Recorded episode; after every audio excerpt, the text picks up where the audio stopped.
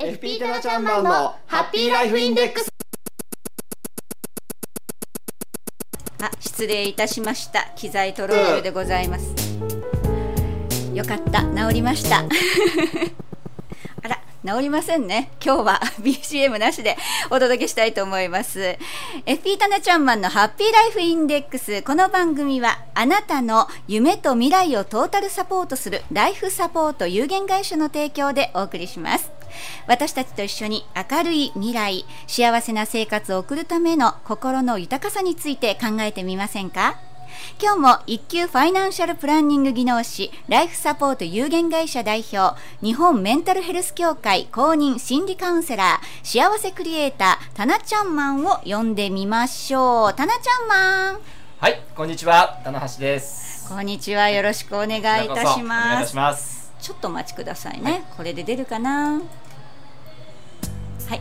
今日はいつもと違う BGM でお届けしたいと思います。ありがとうございます。いろいろ事情がありまして 申し訳ございません。いえー先々週ですね、えーじゃあ次回はこれでということで終了したんですけれども、あのー魔法の言葉を。まあ 言葉のねあのー影響ね、はい。大きいですよっていうお話をさせていただいたんですけどね、はいはい。まあ、その続きをね、はい。させていただければなと思うんですけれども、はいでこう言葉ってね、あのー前回のね先々週の放送でもお話ししましたけども、はい。えー心の中って言いますかねあの無意識にねあの刷り込まれていく言葉っていうのは、うん。否定形の言葉は入り込んでいかないっていうねお話ししましたよね。はいはいはい。あの例えば子供に、えー例えばお茶をね運んでもらうときにね、うん。こぼさないでねっはい。て言っちゃうとこぼす確率がかなり高くなって、はいはいはいあなたはね大丈夫だよ、うん。上手に持っていってねって言うとかなり高い確率ではい。こぼさずに持っていくことができるってね、うん。はい。あのこぼさないでねってね、あのうん。こぼすっていう言葉がだけが残ってしまうっていうお話ししましたけれども、あのー何でもそうなんですよね。うん。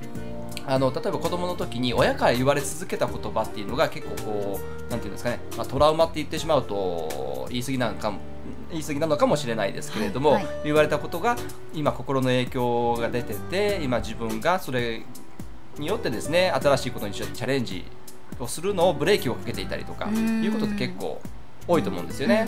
どうですか？その辺ああると思います。あのー親にあんまり怒られたことないっていう子がいますよね、うんでずっと褒められて育ってきたっていう子は、はい。とてもポジティブですね。そうですね、うん。であのチャレンジ精神があって新しいことにもこう一歩をそんなにこう躊躇せずに踏み出したりとかそうですね。えーなんでそんなことできるのっていうことをね、ええ。平気でこうチャレンジしていったりとかしますよね、はいうん。逆にあなたはあ、ね、あの子供の時に危ないわよとかそういうふうに止められてばっかり育育てられた子供っていうのは新たな新しいことにチャレンジするのに躊躇してしまって、そうですうんね、やらなきゃなって思いいながらもやらずにす終わっていってしまうっていうことが多いですね、だからそれだけ言葉の力っていうのがそうですね。ね。ええ。なんかまだまだだったり、うん。あのーできてないって言われたことが多かったので私は、はいね。まだダメだって言われることが多かったんでそれは今でも変わらないですね、とてもストイックな性格に育ってしまって。そうですか。そんなふうに見えないですけど えね。本当ですか、ええ。えではいどういうふうに見えますか、ええ。ね、はい。あれ、はい。そうですか、ええ。自分肯定型に見えますか、はい。私、はい。あらそれは違いますね。そうですか？はい。あれは？ええ。あれ？本当ですか？なんででしょう？いやうん全然違いますね。こういうね、あのうん。タレント業ですね、はいタレントね、あの DJ やってるような方っていうのはすごくやっぱり。自分自身でこう自分を管理していかないと自己管理していかないとはいできないじゃないですか、自営業はい。ですよね、うんなのでそのそういう意味ではやっぱりこう自分がねこうチャレンジしていかないとはい。いけないうんお仕事だと思いますので、ああ、それは脳で考えて。ああなるほど。やらなきゃだったりねはい。こうやって思わなきゃっていうところで奮い立たせてはい。やってることが多いですね。うんなるほどね。うんそうですね、はいまあでもポジティブな子多いですよね。そうですよねうん自分大好きな感じのねそうですね。羨ましい。羨ましいですね。はい。ねで、あのやはりその言葉っていうのがですね、それだけ影響が大きくて、これはあの何も子供の時に限ったことではなくて、大人になってからでもそうなんですね。自分自身に対してやはりこうブレーキをかけている。もう逆これは子供の時に刷り込まれたことなんですけど、ブレーキをかけている言葉があるので、それを言葉を変えてしまうんですね。あのー前回もお話ししましたけれども、自分はあーダメじゃないっていうんではなくて、うん。私はできるとかですね。い。うふうに言葉をまるっきり変えてしまうんですね、ダメじゃないっていう言葉を言い続けるとダメだけが無意識の中に蓄積をされていくのでねあのダメじゃないっていう否定言葉はあの脳の中には入っていかないきませんからダメじゃないではなく私はできるとか私は素晴らしいという言葉に置き換えてですねこれをですね、えー寝る前。はい寝る直前ですね、はい。自分に言い聞かせる。っていうのが一番 あのいいんですよね。なその寝る前がいいっていうのは何か理由があるんですか？そうなんですよね。あの実はですね、あの意識と無意識っていうところですね。あの実は人間の普段の行動って無意識に、えー支配されてるんですね。おお、で意識と無意識の領域っていうのは実は、意識の領域っていうのはわずか5%ぐらいええで無意識の領域が95%と言われてるんですよ。なんだかそれって人間としてどうなのかなって思っちゃいますね。そうですね。うちにいるワンちゃんと同じぐらいのそうですね。はい。あそんなもんですか、あのよくよく考えてみてくださいね。はい。あの例えば知らず知らずのうちにこうな何かこう行動していたっていうのがないですか？例えばもういつもの行動パターンで、あのー例えば通勤のうん。行き帰りの道ですよね。道も毎日同じところを何気なく通ってますよね。これも意識ですよね。そうですね。違う道を帰ろうっていう意識しないとはい。違う道で帰らないじゃないですか。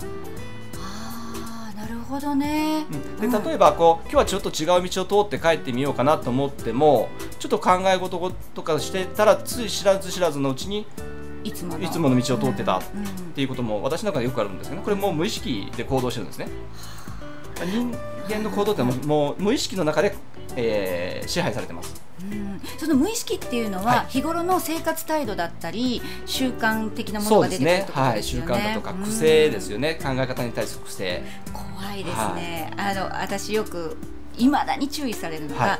靴の脱ぎ方。はいお家に入る時のはい。パッパって脱いで、はい。そのままこう脱いだ形のまんま残ってる玄関に。ああのあ足あの靴がこう歩いた 後の通り。そうそうそうであの人のお家行った時これじゃ恥ずかしいってうんうんうん。言われるでしょ、はい。でも他の家ではちゃんとしてるっていうわけですよ、はい。うんそれは意識しているからですよね。そうそう。だからよそのお宅行った時には、はい。そういう意識をしてるんですけどでもたまにたまにたまに靴を脱いで上がらないといけないこうお料理屋さんなんかあるじゃないですか、はい。あの時にはそれこそそうなんです、はい。無意識にこう後ろを振り返ると脱いだ形にこうね。あれ私どういうふうに脱いだかなって後ろを振り返ると、はこう歩いたようあに置いてあるんですよ。はい、そうですね。あれはそれも無意識ですよね。だから、うん。あのー人間の、えー人のですね行動とか言葉とかいうのはもう,、もうこれ癖になっちゃってます。もうそれはもう無意識で支配されてるからなんですよね。で、この寝る寸前っていうか、うんうん。あのこううとうとしちゃってこう本当に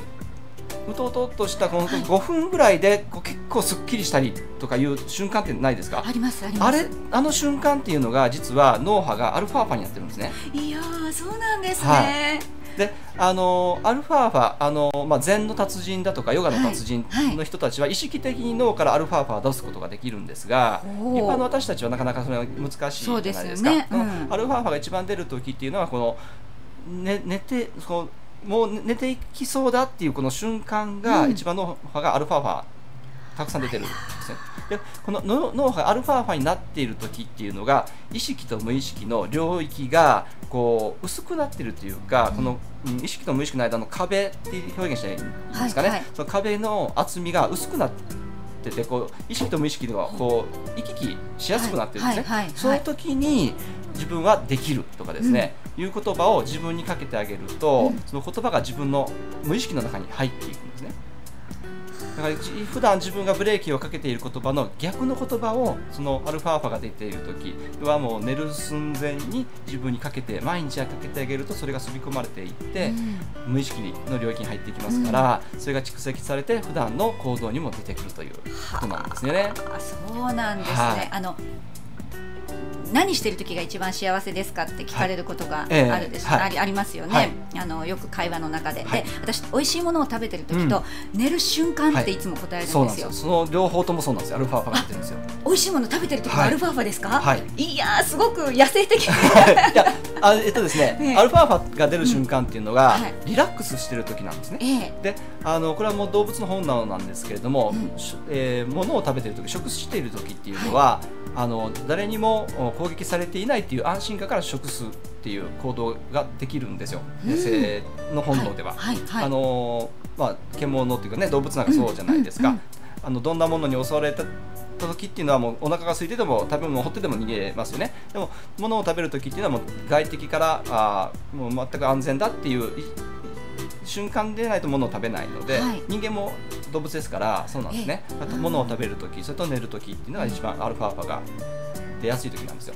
はあ、全然そんな理屈が分かってなかったんですけど、はい感じてたんですね。そうなんですよ。じゃああのやっぱり食事の時にね、はい。あの一人でまあもちろんねうん。一、人で食べなきゃいけない機会というのはたくさんええ働いてればあるんですけれども、あの子供時代なんかは、みんなでこう会話しながら食べたりっていうのははい。大切なことなんですね。そうですね、うん。はい、だから食べながらお話をする、まあ、家族の団らんでね、はい。やっぱりか家族の団らんって言ったらあの夕食を食べる時間をうん。やっぱり連想するのはそういうところだと思います、うん。はい、それとね食べ物はいもですね、はい。はい。はい。ついでにお話ししておきますと、ええ。はいあ食べれる時ってアルファが出るってお話ししたじゃないですか、はい。なのでその時により美味しく食べる方法があるんですよ。えー、どうなんですか？ものをですね、はい。こう食べ始めた時に、美味しいって一言言うんですよで食べるとうん、う美味しいものはより美味しく食べれます。美味しいという言葉が脳に伝わりますので、はい。それとええ。当然アルファーファが一番出てる時にはい。美味しいという言葉を発しますから、はい。脳に一番届くんですよね、うん。だから美味しいという意識で食べますから余計美味しくなるというですね、じゃあやっぱりもう口から出す言葉っていうのは、やっぱりポジティブなプラスの言葉をまずは心がけて出していって、ね。はでもちろん人間なんでね、うん。そうじゃない時もこうと瞬間あると思うんですけれどもね。はでもそう出してしまった自分も否定せずに、はい。んそうですね。うんはい。全部自分受け入れはいて、そうですね。うわーそうか、はい。奥が深いですね。ね。で、うん。あのまあ心理学ではねヒプノセラピーとかね、、はい。ううセラピーもあるんですけれども、うんうんえー催眠療法。はいですね、ヒプノセラピーとかあ催眠療法とか言われてますけれども、えー意識的にですねそのアルファーを出させてですね、うん。えー言葉をそのお無意識の中にこうい入れていきながらあーこうこう気分をお転換していくとかいう療法もありますのでね、それともあの使ったりとかいうこともやったりとかもしてます。うん。はい。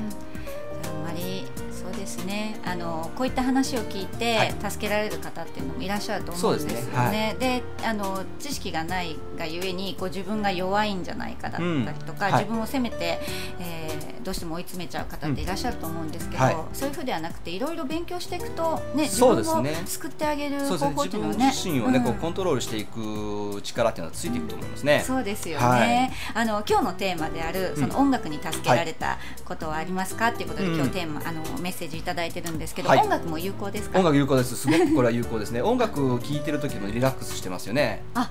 だからリラックスして聴いてる瞬間ってやっぱりアルファーファが出やすくなっているますので、えー有効ですね。だから音楽ってあのすごく心に残ってません？残ってます。あの思い出とリンクしてるじゃないですか。してますしてます。例えば街歩いてた時にふとこう、聞こえてきた音楽で昔の思い出がこう蘇ってくるとかですね、ありますね。ありますよね、うこれってそうなんですよ。うん、はい、ちなみにありますか？